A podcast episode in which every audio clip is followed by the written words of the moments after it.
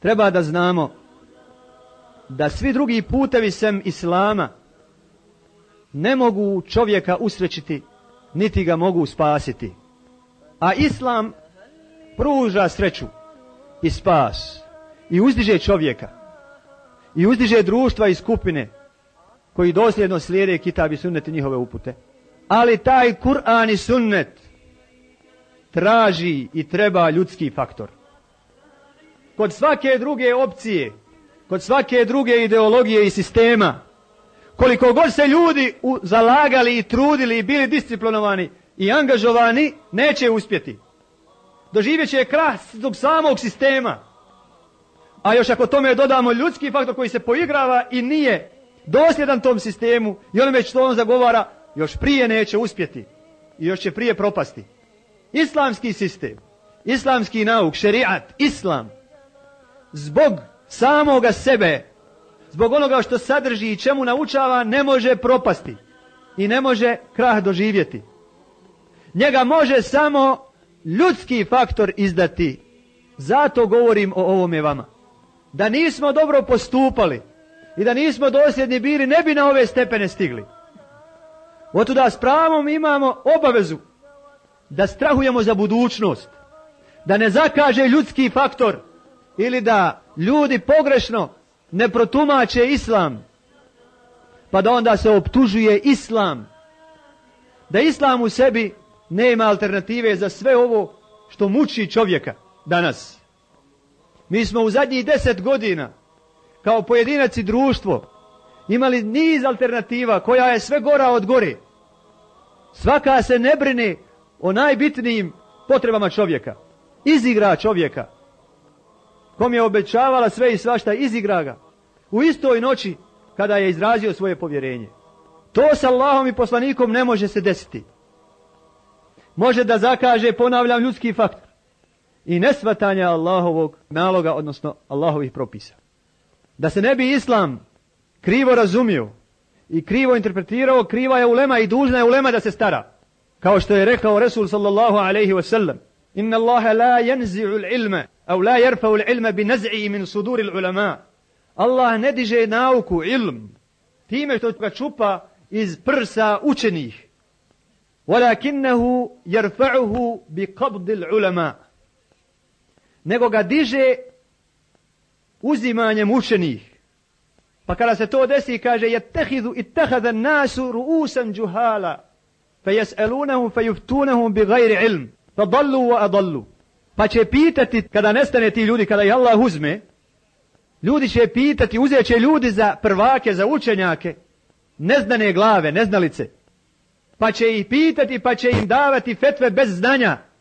Time čine zabludu i time će u zabludu druge odvesti. Znači, ulema je dužna da pravi islam, istinski islam, kakav je objavljen i kako ga je znala i praktikovala prva generacija ashaba i tabi'ina i najboljih generacija, dužna je ulema da se o tome stara. Ulema je nekad može ne biti, može je Allah Želešanu usmrtit, može ne biti na jednom mjestu, raseliti se, može biti odvojena ta privremena smrt ili specijalna smrt odvojena od ljudi, a ljudima potureni neznalice.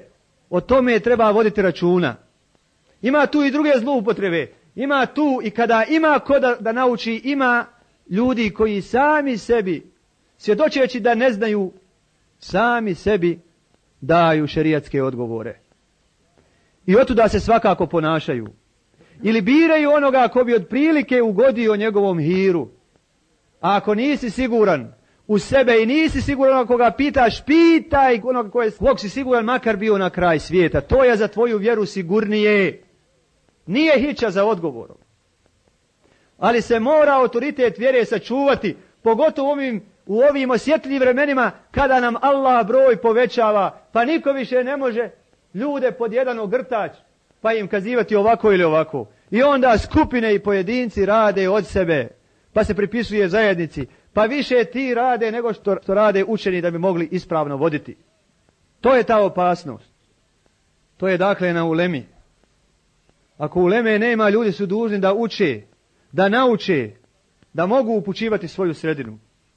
A drugi problem jeste naše varanje samih sebe. Znamo i načito smo sto posto, međutim varamo se. Munafički se odnosimo, sa Allahom se poigravamo. I u tom slučaju Allahova opcija, islamska opcija će da šepa. Zbog ljudskog faktora, što je ovaj zakazao u ovom dijelu, drugi zakazao u ovom dijelu, ona zakazao u ovom dijelu, tamam da imaju čistu nauku, nepomučenu, nisu joj udovoljili. Teško naći čestite pojedince, ispravne pojedince. A potrebno je da svak ko se Allahu pokori da udovoljava njegovim narodama i njegovim zabranama. Zato, braćo moja, preispitajmo se. Preispitajmo se, dosta je vremena proteklo. Dosta je vremena proteklo od kad smo saznali i kad smo se lijepo pokorili. I kad smo se promijenuli. Ako smo popustili. Ako se žar ugasio. Razmislimo ko je gubitnik. Razmislimo šta možemo iznevjeriti. Zašto možemo krivi biti? I zašto možemo polagati račun? Jer ne živimo u vremenu kada su svi muslimani u redu, pa ti pojedinac nisi toliko bitan. Živimo u vremenu kada ona ulema kakve bi trebalo biti i oni odgovorni rukovodioci kakvi bi trebalo biti jednostavno ne postoji. Pa je Allah i počastio i obavezu i opteretio je upravo tebe, moj slabo učeni, moj slabo iskusni, moj nejaki brate, da ti pokazuješ islam. Da ti nudiš islam. Pa što ne znaš, ne zamjeriti se. Pa što pogriješiš, ne zamjeriti se. Traži se od tebe makar ono što si dobro svjestan i što ti znaš da si prema Allahu Želešanuhu pogriješio i da si postao nemaran da se dozoveš i da to ne činiš. U vezi sa time pitam brate mu'mine jesi li uživao? Pitam svakog svoga brata. Kada ga je Allah Želešanuhu uputio kada je za Allaha saznao i Allaha spoznao nakon što nije prije toga poznavao Allaha Đelešanu tako pa mu se prsa proširila i svjetlo u njih ušlo, jesi li tom spoznajom uživao? Dragi brate, kad si namaz sa užitkom obavljao i u njemu doživljavao slast koju je Allah mu'minima u namazu spustio, jesi li uživao? Kad si Allaha spominjao jutrom i večeri, i svakom drugom prilikom i bio svjestan da te on čuje i da ti je blizu i da time svoje stepene kod njega povećavaš i svoje grijehe koje si prema njemu načinio brišeš, jesi li uživao. Kada si svoje znanje proširivao i rastajao se sa džehlom kog si od djedova i očeva naslijedio i o svakoj sitnici Allahov propis saznao, jesi li uživao. Je li ti lijepo bilo? Jesi li se preporađao? Jel u tebe novi život ulazio? Zašto sada umriješ poslije tako dobrog života? Nije li lijepo nastaviti taj život? Nije li lijepo Allahovom voljom i podrškom još koga oživiti? Nije li obaveza? Nije li velika nagrada? Preispitaj se i ne popuštaj. I dalje uživaj jer užitka nema sem u blizini sa Allahom Đalešanu. On je taj koji tvoju dušu usklađuje. On je taj koji razboritost u tvoj um spušta i daje. Samo bereketom tvog lijepog robovanja njemu. Ničim drugim to nećeš moći postići. Svi će svjetovi, svi će narodi, sve će nacije, sve će generacije, sve će grupe i grupacije lutati i zabludu iza zablude ostavljati ali svaka generacija ima samo 20 godina. Obično u našem životu se sastanu samo djed, otac, sin i unuk. Ako može to kad svakom damo 20 godina, to je 80 godina. Ovi 20 se ne broji jer te niko ne priznaje. Oni 80 također. Oni 40 radiš za drugog. Oni prvi 20 nisi nita drahat, Ali to je tvoja generacija. Poslije tebe dolazi druga generacija ti prelaziš u onu gori. I svaka generacija ima 20 godina. Prema tome, ako te je jedna opcija izdala i ako si joj uzalud služio, ne možeš više za pravu stvar raditi kao što si mogao. Ako je neko mladost tvoju založio za islam i dao punu podršku islamu u njoj, s pravom može generacija, s pravom može da odahne i preda bajrak drugima.